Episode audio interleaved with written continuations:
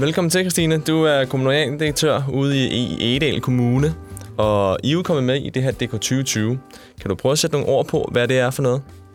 Jamen, DK 2020 er jo et, øh, et fælles øh, initiativ skabt af de 98 danske kommuner, hvor øh, stort set alle sammen har tjekket ind i at skulle lave sådan en ret omfattende klimaplan for, hvordan er det, vi bliver CO2-neutrale i de danske kommuner.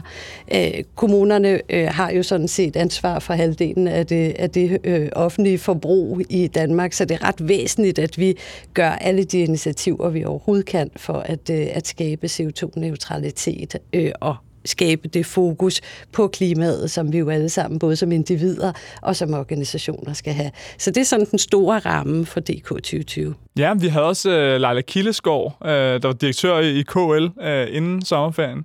Og øh, hun siger også, at for det første, så har I jo jeres egne bygninger og jeres egen personale, og derudover sætter I rammerne for borgernes liv. Så på den måde, der vil nogle flere indgange til klima for jer som kommune. Der er nemlig rigtig mange indgange. En organisation som Egedal Kommune beskæftiger 3.500 medarbejdere, og vi har 44.000 borgere, som selvfølgelig lever deres eget individuelle liv, men vi har jo nogle påvirkningsmuligheder i forhold til, hvad er det for en rammevilkår, vi laver for den hverdag, som borgerne lever i Egedal. Og de kan jo godt både være verdens bedste rammevilkår, og så samtidig så klimavenlige som muligt. Så vores ansvar, det er sådan inspiration og nudging af borgerne hen imod en, øh, en grønnere hverdag. Og Øh, præcis som du siger, så har vi jo utrolig mange bygninger. Øh, vi har 150 separate øh, arbejdspladser i Egedal, og det er jo alt sammen arbejdspladser, der fungerer inde i en bygning. Så på den måde, så laver vi jo et ret stort klimaaftryk, og har også ansvar for at få det til at være så minimalt som overhovedet muligt. Og det går 2020, det sprang ud af det her C40, hvor en masse internationale storbyer arbejdede sammen og delte i forhold til at møde Paris-aftalen. Og øh, vi har jo været ude i Edal Kommune og lavet lidt rapportage her på forhånd, så jeg vil lige prøve at, øh, at spille et lille klip for dig. Alt bliver ligesom talt ind i den her DK 2020 dagsorden, når vi laver samarbejde med, med andre kommuner i forhold til, til mobilitet eller til varme, så er der sådan en, en DK 2020-ramme, som alle kender og alle kan snakke ind i. Det giver bare en, en, en ret fed måde at, at få noget, noget synlighed på, på klimaarbejdet, synes jeg, i kommunen. Vi har masser af sparring med, med vores nabokommuner. Der er en, en masse fokus nationalt, altså for hele KL, Concito og, og Realdania og, og dem, der, der er med i det. Det var et lille klip, hvor vi snakkede med øh, Sune, som er projektleder for DK 2020 i, i Edal, og han kom lidt ind på det her med, at, at du kunne rent faktisk give et boost øh, for ens klimaplan og klimainitiativer, at man var i et større hele, og man kunne lære lidt for en, af hinanden. Hvordan ser du på det? Jamen, det er jeg fuldstændig enig med Sune i. Det kunne jeg ikke have, have sagt mere præcis selv, end, end det han gør. Fordi det giver jo præcis den fælles ramme. Øh, en ting er, at det giver et boost til det initiativ og det engagement, skaber også en lille smule konkurrence kommunerne imellem i forhold til, hvem kan, kan lave de forskellige initiativer bedst, og hvem kan opnå nogle resultater. Det er jo den sunde konkurrence, det er, når vi har lyst til at rent faktisk gå ombord i det her øh, på, på, med et positivt mindset, hvor vi kan, Øh, kan, kan bruge hinandens resultater til at, at stå på ryggen af og lave den udvikling. Nu er der så mange kommuner, der begynder at profilere sig på den grønne omstilling, og hvad de er til at gøre. Nogle er den økologiske kommune, og andre er vindkommunen, og andre er havkommunen og sådan noget. Hva kan man også som kommune ville tænke, ah, den her konkurrence den har vi jo lidt tabt. Hvad, lad os hellere profilere os på, at vi er gode til at skabe arbejdspladser, eller vi er gode til kulturtilbud, eller et eller andet. Kan det godt være sådan, at man tænker, ah, den her kamp, den har vi nok tabt. Lad, lad os kaste os ud noget andet i stedet for? Altså, jeg tænker ikke, at der er nogen, der kan tåle at tænke, at man har tabt klimakampen den skal vi alle sammen øh, bære i os. Man kan sige, der er jo selvfølgelig meget forskellige rammevilkår for en kommune, om man bor et sted, hvor det er muligt at have vindenergi eller solenergi, eller øh, bor tæt ved havet, eller, eller noget andet. Og på den måde, så finder man selvfølgelig sin, sine forskellige nischer. I Egedal der er vi beriget af rigtig meget åben land, øh, og det betyder jo, at vores fokus, det skal jo være på, hvordan er det så, vi omlægger noget af det åbne land, både sådan hele landbrugsdelen, den har vi jo kun indirekte impact på, men alle vores egne øh, grønne områder, vores bygninger osv. Så, så der er ikke nogen af os, der kan tåle at sige, at vi ikke tager, tager kampen op. Selvfølgelig gør vi det. Så det er jo os, der har skabt klimakrisen som individer, øh, og på den måde, så, så tænker jeg i hvert fald også, at noget af det ansvar, det bliver vi nødt til at tage tilbage. Øh, hele den vækstdagsorden, der har været de sidste 60 år, som jo er der udfordringen i bund og grund er, er sket, det der, det er gået galt. Øh, den vækstdagsorden er jo drevet af os som forbrugere. Det er jo os, som har øh, ført an i den vækst og i den efterspørgsel og i det behov for velfærd og velstand, øh, så det er jo også os som individer, der er nødt til at trække tilbage igen. Øhm, og når vi bare taler, eller bare i godsøjne, øh, når vi bare taler om, om, øh, om CO2-neutralitet, så er det jo ud fra et perspektiv om, at vi skal blive ved med at leve, ligesom vi gør nu, bare i en energibæredygtig udgave. Og det tror jeg sådan set er for lavt et ambitionsniveau øh, fordi vi kan jo heller ikke tåle som individer, som mennesker længere, og blive ved med at have det fokus på vækst og forbrug. Det er jo derfor, vi bliver syge og angste og stressede, og hvad der ellers er nationalsygdomme lige nu. Så jeg tror, vi bliver nødt til at se det som et samlet hele. Hvordan er det, vi vores fremtid som individer og som mennesker og som kollektiv ser ud, i stedet for at have fokus på, hvad der står i bundlinjen af et regneark om CO2-udledning. Det, det er jo helt voldsomt ambitiøst. Det er vi jo helt vilde med herinde i Klimakrøller. Men hvordan i verden omsætter det man det til øh, konkret kommunal politik, når man kan sigte så højt? Altså det vil jeg også sige, det, det er jo ikke en fælles Egedal Kommune. Det er jo ikke en politisk formuleret vision, det her. Øh, det er jeg helt sikker på. Der er nogle af vores politikere, der bærer i deres hjerter, og så er der nogen, som ikke gør. Men det er jo i hvert fald mit ansvar, kan man sige, at prøve at påvirke organisationen så meget som overhovedet muligt med nogle af de her tanker. Øh, og, øh, og det, øh, det, det, altså det er faktisk svært, synes jeg, fordi når man begynder at tale om det individuelle ansvar, når man begynder at tale om sådan den her øh, indre bæredygtighed og hele den regenerative tænkning og så videre, så er der altså stadig folk, der lige løfter et øjenbryn og tænker, hvad, kunne, kunne, vi, kunne vi ikke bare tale om KPI og bundlinjer og det, som, som ligesom plejer at være på, på den ledelsesmæssige dagsorden. Så, så vi mangler stadig lidt et sprog for det der sådan med, hvordan er det, vi begynder at, at leve mere bæredygtigt som, som mennesker, hvordan er det, vi begynder at tænke mere regenerativt? I en ledelsesmæssig kontekst, uden at det bliver sådan noget lidt udflippet noget, øh, som folk kan tjekke ud af. Øhm, noget af det, vi har gjort helt banalt, bare med, med vores chefgruppe, det er, at vi har været en tur inde på Hanemands køkken og lave nordisk klimamad i fællesskab. Vi øh, har holdt til chefmøder i skoven. Vi har prøvet at tage nogle af de her principper til, til os omkring, hvordan kan man øh, skabe en tænkning, hvor man giver mere, end man tager, både i en organisatorisk sammenhæng, men, men, men jo også i en menneskelig sammenhæng. Det, det lyder som nogle initiativer, som er rigtig godt for, for krop og sjæl. og jeg synes, det, jeg synes, det er fedt, at det kommer mere og mere på tegnebrættet, og det er ikke et eller andet, øh, man har rådet i 60'erne. Åh, oh, ja, ja, øh, det er noget hippie noget. Møde ude i skoven. Men jeg tænker stadigvæk, at det er godt stadigvæk at have nogle rammer og ligesom at gå efter. Øh, og der er der jo de her scopes 1, 2 og 3, hvor I skal bestemme, om I skal være med i scope 2 og 3. Og vi har været ude og snakke med øh, formand for klima, miljø og teknik, eller klimateknik, Ja, du har helt ret. Øh, Bo. Øh, så jeg tænker, at vi skal høre lidt af lydklip fra ham. I er, I er kommet ind i DK 2020 her i, i tredje runde, så at sige, og skal finde ja, ud af, hvilke, runde, ja. hvilke scope vi skal gå efter. Hvem, har, hvem og hvad har indflydelse på det? Jamen, det bliver jo også 21 i, i byrådet, der skal, skal vedtage det. Øh, og man kan jo sige, at øh, det kommer an på, hvor, hvor ambitiøse vi vil være selvom vi kommer med i tredje runde, kunne vi da godt tilstræbe, at vi vil være ambitiøse. Altså fordelen ved at være i tredje runde, det er jo, at vi kan jo tyvstjæle fra nogle af de andre, der er noget længere.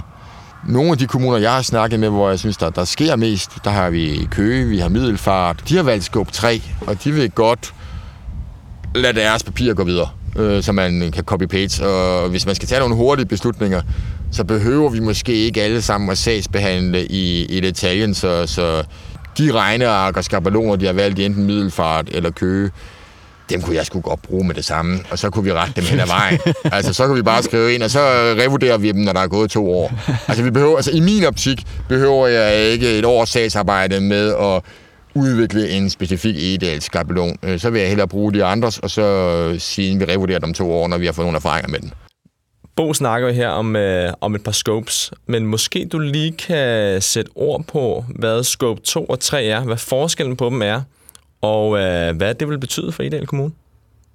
Den primære øh, forskel, sådan skåret helt ind til benet på, på, på scope 2 og 3, det er, at, at scope 2 ligesom har med det at gøre, der foregår inden for kommunens grænser. Altså noget af det, vi kan, kan påvirke sådan direkte eller indirekte, mens scope 3 i virkeligheden er at skulle forfølge øh, sit forbrug helt ud til producentledet.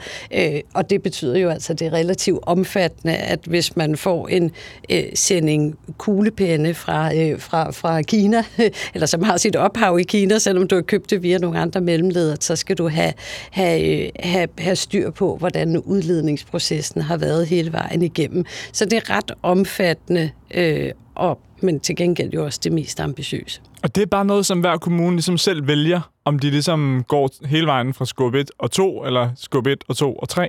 Ja, det handler simpelthen om, hvad er udgangspunktet, hvad er ambitionsniveauet, hvad tror man på, at man som, som, som organisation kan løfte.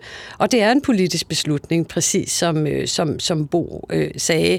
Og der er jo nogen, der har øh, der har øh, masser af kraft og lyst ind i, øh, ind i den øh, øh, ambition, og så er der andre, der siger, jamen hvad kommer det faktisk til at betyde for den velfærd, som vi skal levere lige nu og her, og i de her år, at vi satser så massivt på at have den, den ambitiøse klimapolitik.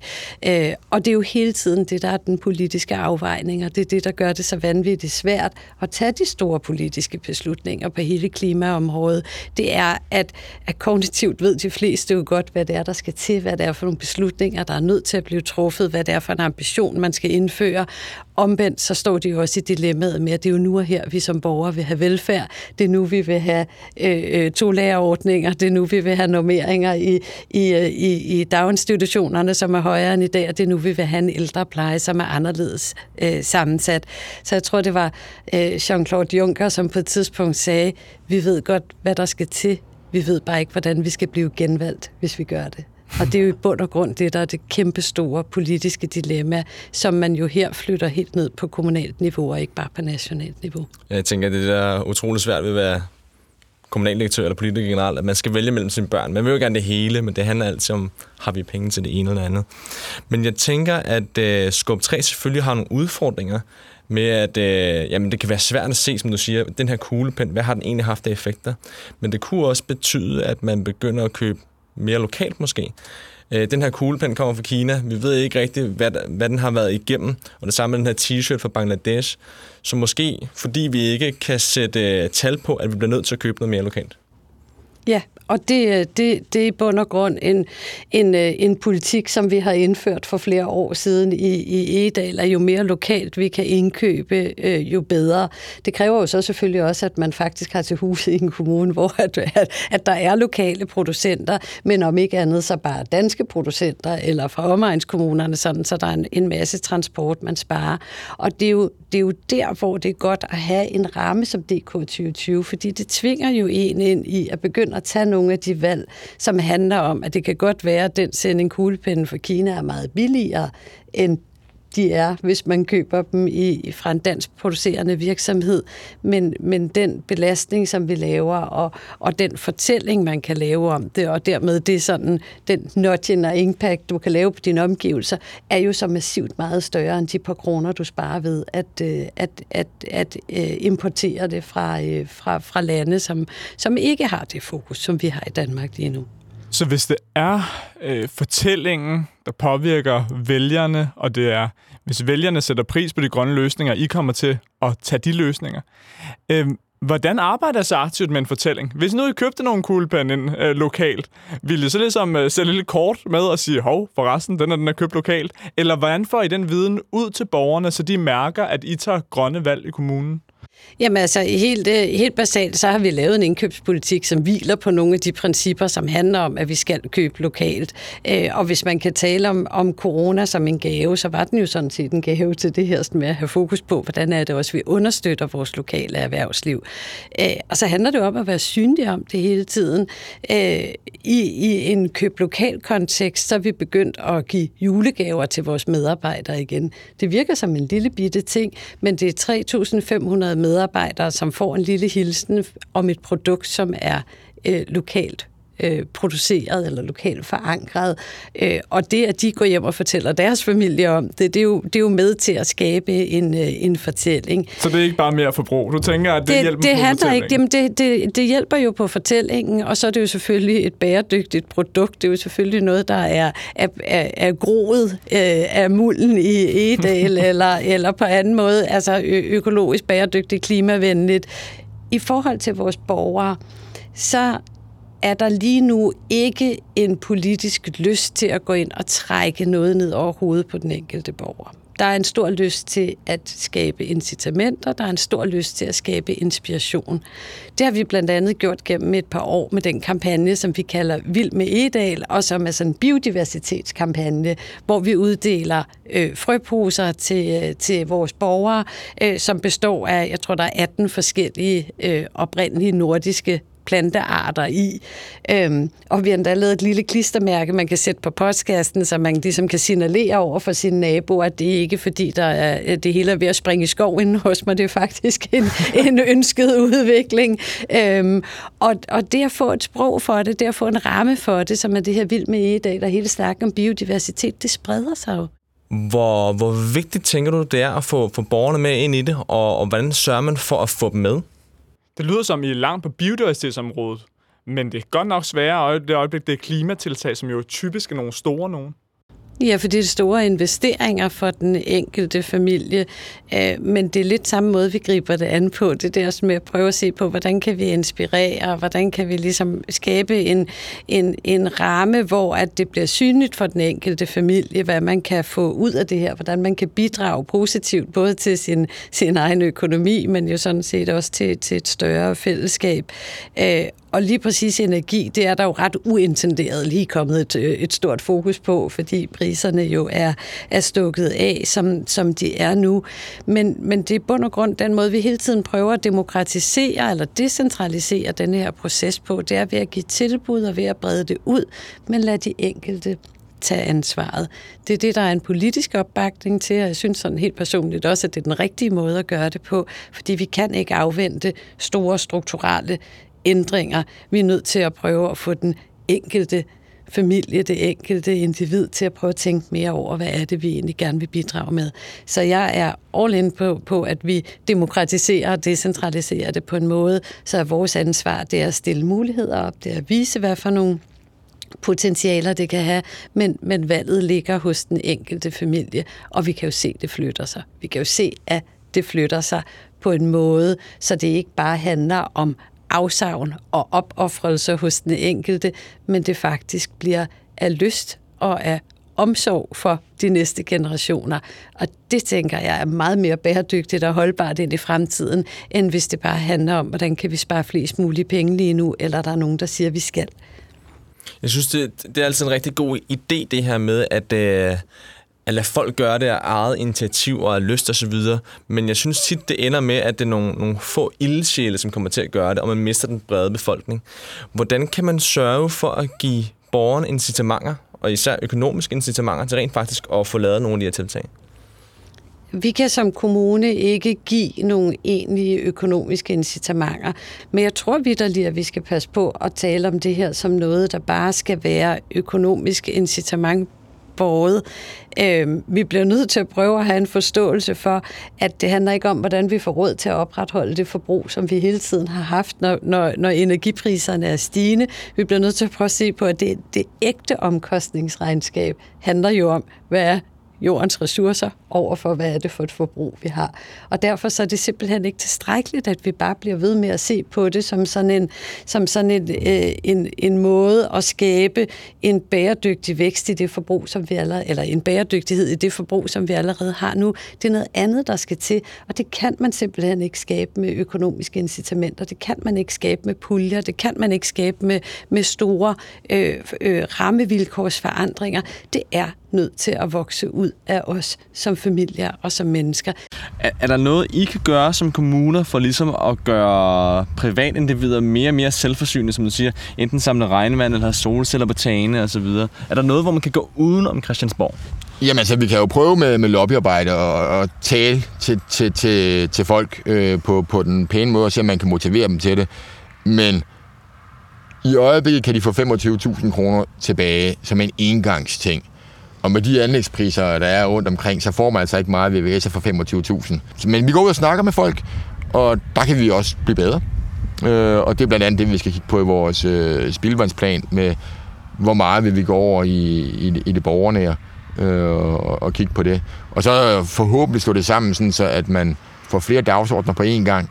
Øh, hvis folk skal håndtere noget regnvand på egen grund, så er der nogen, der laver en faskine. Det er en fin løsning, så ser alting ud, ligesom det plejer at gøre. Men man kunne også nok til måske at overveje et regnbed. For det første er det billigere at lave, men det giver noget biodiversitet. Så kommer man selvfølgelig til at se vandet. Der kommer til at være noget, der ser anderledes ud end ens græsplan. Øh, men, men så får du den der biodiversitetsting med, at du pludselig kan risikere at møde en sommerfugl i din have. Nok Signe, det her det var igen et, øh, et lydklip med, med Bo, og jeg synes, han kom ind på, på noget meget essentielt egentlig, at øh, det er nødvendigvis ikke forbrug, man skal tænke på, når man skal inddrage borgerne. Det kunne være, at man skulle lave en ny regnvandsløsning, som kunne være rigtig, rigtig dyr. Men hvis man fik borgerne til at lave faskiner eller regnbede, som kunne have flere purposes, øh, formål, øh, både at man får mindre regn eller skyllevand, men man også får mere biodiversitet. Kunne man lave flere sådan nogle løsninger, og vil det være muligt i jeres kommune? Ja, og det prøver vi faktisk at gøre gennem den række af naturambassadører, vi har, øh, vi har uddannet. Øh, velvidende, at når vi kommer som kommune, så kommer vi jo altså, øh, ind imellem med sådan en myndighedskasket på, og derfor så prøver vi faktisk at uddanne nogle af borgerne til at være dem, som videreformidler budskabet om, hvad kan man lave af løsninger hjemme hos, øh, hos sig selv. Øh, så, øh, så vi har sådan en kontinuerlig uddannelse af naturambassadører, som faktisk kan, kan gå ud og rådgive øh, borgerne og forklare, hvordan man kan lave sådan nogle løsninger på sin egen grund. Øh, det handler så øh, mest om biodiversitet omlægning af havebrug videre. Øh, men i bund og grund, så kunne vi jo også begynde at gøre det på, på, nogle, øh, på nogle klimamæssige investeringer, altså øh, hugge op med nogle håndværkere, som kan, øh, som kan lave rådgivning af, af vores borgere generelt kan man sige, at vi prøver at arbejde med vores erhvervsliv på samme måde som med borgerne, nemlig at prøve at fremhæve de virksomheder, som faktisk formår at lave gode klimaløsninger i deres produktudvikling, øh, som man heldigvis også oftest kan se på bundlinjen, når de, øh, når de præsenterer det, og på den måde holde dem op som et spejl og en inspirationskilde for, øh, for de øvrige. Men man kunne jo sådan set udvikle det på, øh, på samme måde i sidste uge, der, øh, der var der en, en, øh, en helt ung skoleelev, som havde vundet en konkurrence, øh, som handlede om at skulle, øh, skulle lave de mest sådan, øh, bæredygtige eller klimabevidste tiltag. Og, øh, og hun havde så lavet sådan et forslag om et, et tøjbibliotek øh, i tilknytning til vores almindelige biblioteker. Øh, og det gør mig jo helt varm om hjertet, at vi har en ungdom, som, som tænker i nogle af de løsninger. Så det er jo også noget med at gribe gribe idéerne, når de er der. Hende tænker, at vi skal have fat i at lave en eller anden prøve på, hvordan kan man, øh, hvordan kan man lave et, et, tøjbibliotek, også sådan, så vi hele tiden kan vise de unge, at vi ved godt, at det er dem, der har nøglen til det her. At det lyder som et helt genialt forslag. Det tror jeg er noget, jeg vil gå videre til min kæreste, fordi hendes, øh, hendes region er i hvert fald kæmpestor med masser af tøj. Det kan godt være, at hun kunne outsource noget til et bibliotek, og så ved, bruge det, når hun skulle... Eller, så får I også flere kvadratmeter derhjemme, Ja, det var det. Men vi bliver også nødt til at se på, om vi skal prøve at tænke det helt anderledes. Nemlig at komme ud af alle de forbandede bygninger, som vi omgiver os med, og som jo også er noget af det, der har gjort, at vi er blevet så fremmedgjort over for naturen, fordi vi er vant til at være inde i et hus. Jeg synes, det er enormt fascinerende at høre fra dig. Du sidder som den mest magtfulde embedsmand i kommunen. Du er selv mega progressiv så har du et, et byråd, der sidder nogle kommunalpolitikere, som har kommet hver deres politiske ideologier og holdninger og skal spille sammen og finde nogle løsninger. Og så derudover er der statsniveau ovenover, som lægger en masse rammer for, hvad I må og ikke må. Det lyder som om, at noget af det vigtigste, du tænker, I kan gøre, det er det, vi talte om tidligere. Det er det med at motivere borgerne, få forandringen til at komme nedefra så er der noget, I kan gøre med bygninger og den form for i kommunen og sige, Nå, kan vi begynde at rykke nogle tilbud ud og sådan. Er der andre der på den helt store klinge, der tænker, det er her jeg som kommunaldirektør får den største indflydelse igennem i forhold til at gøre Egedal godt for verden?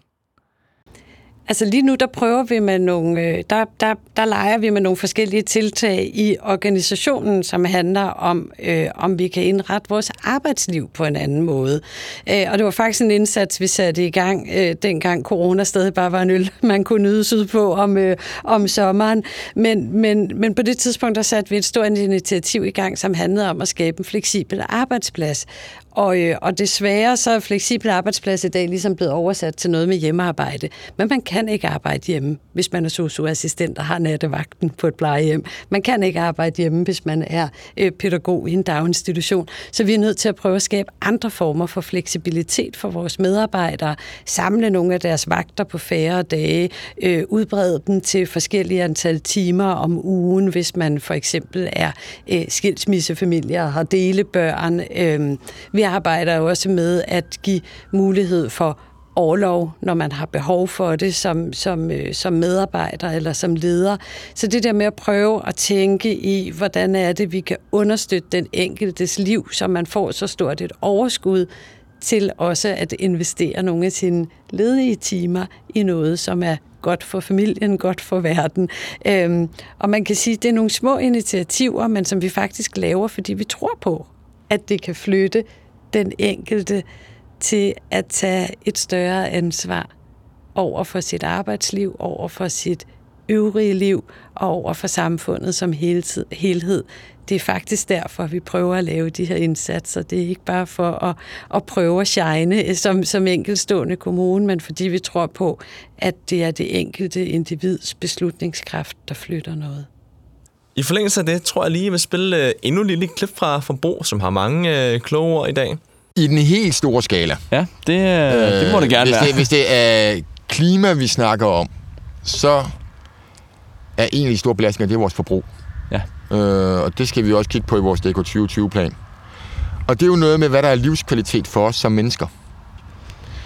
Øh, hvis man kigger på vores arbejdstid, så øh, tilbage i 1900, der arbejdede vi 60 timer om ugen. Så 1960 var vi nede på 45.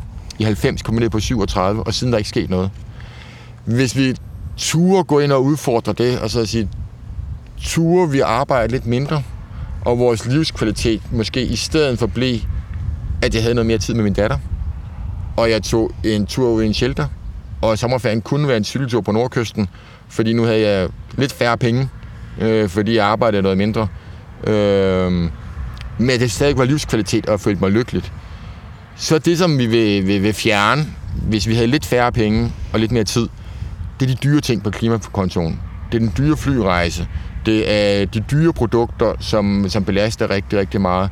Så i forhold til vores CO2-regnskab, hvis man kunne arbejde med det der med, hvad er det, der gør folk lykkelige, og at tid og nærhed kunne komme til at fylde noget mere i materielle ting, så er vi faktisk kommet langt i, i det her klimaregnskab. Og Bo kommer her blandt andet også ind på det her med at, øh, at tænke arbejdstimer anderledes, tænke det at gå på arbejde anderledes, som jeg synes er enormt spændende. Det er jo både socialt bæredygtigt og økonomisk bæredygtigt osv. Øh, men han snakker også om det her med at tænke sådan noget som ferie anderledes. Og for et par år siden, så havde vi det her med, øh, at der var gratis færger rundt omkring i hele Danmark. Og det gjorde bare, at blandt andet mig selv og andre kom ud på cykelferie og så det danske land, som var helt fantastisk. Er der flere af den type initiativer, man kan tage? Altså med alle de forskellige initiativer, vi har i den fleksible arbejdsplads, i den organisatoriske ramme, der synes jeg, at der gør vi alle de her ting. Der prøver vi at udfordre alle de her konventionelle måder at arbejde på. Så er der den ramme, vi kan stille op for vores borgere. Og der prøver vi rent faktisk at åbne op for naturen, som, øh, som vi kalder det. Vi skal jo lære at begå os i naturen igen. Vi skal lære at finde ud af, hvad er det for nogle øh, træarter, vi har i vores, øh, i vores skove. Vi er jo beriget med hele Naturpark Mølleåen, som, som jo er den smukkeste natur i Danmark, Helt hvis man fantastisk. spørger mig. Hold da op, I kommer begge to fra Nordsjælland. Det, Ja, det er- er nemlig rigtigt. øhm, og, og det at have en naturvejleder, som kan lære familierne at sanke, det som øh, kunne lære familierne at lave mad over bål igen, finde tilbage til nogle af de der helt basic værdier, som vi har glemt hjemme i vores øh, velekviperede samtalekøkkener, at rykke det ud i naturen igen og lære familierne at bruge naturen, det er jo bund og grund noget af det, der giver en helt fantastisk livskvalitet og nogle oplevelser for familierne, men vi er nok et sted, hvor vi behøver at lære folk det igen, eller vi skal i hvert fald åbne muligheden og tilbudene for dem. Og det er jo en kommunal opgave, som vi også påtager os, og prøver at åbne naturen op og sige, der er nogen, der stadig er ret utrygge ved den. Hvordan kan vi gøre, øh, hvordan kan vi gøre jer komfortable i al den skønne øh, natur, der omgiver os? Hvordan tænker du helt konkret, at man gør det? Er det, at man ansætter flere i kommunen, altså for eksempel naturvejledere, og gør det til nogle weekends-events, enten gratis eller billigt, som man ligesom får folk ud? Eller hvordan gør man det? Altså helt konkret, så har vi nemlig ansat en naturvejleder, som, som arbejder på fuld tid med at prøve at åbne det her op for, for familierne. Og det er selvfølgelig hovedsageligt i weekenderne, at øh, familierne som sådan har, har mulighed og tid til at rykke ud i naturen, men det hun gør i hverdagen, det er jo at undervise børn. Og der er jo ikke noget, der er så fantastisk som børn til at skabe forandringer i familierne.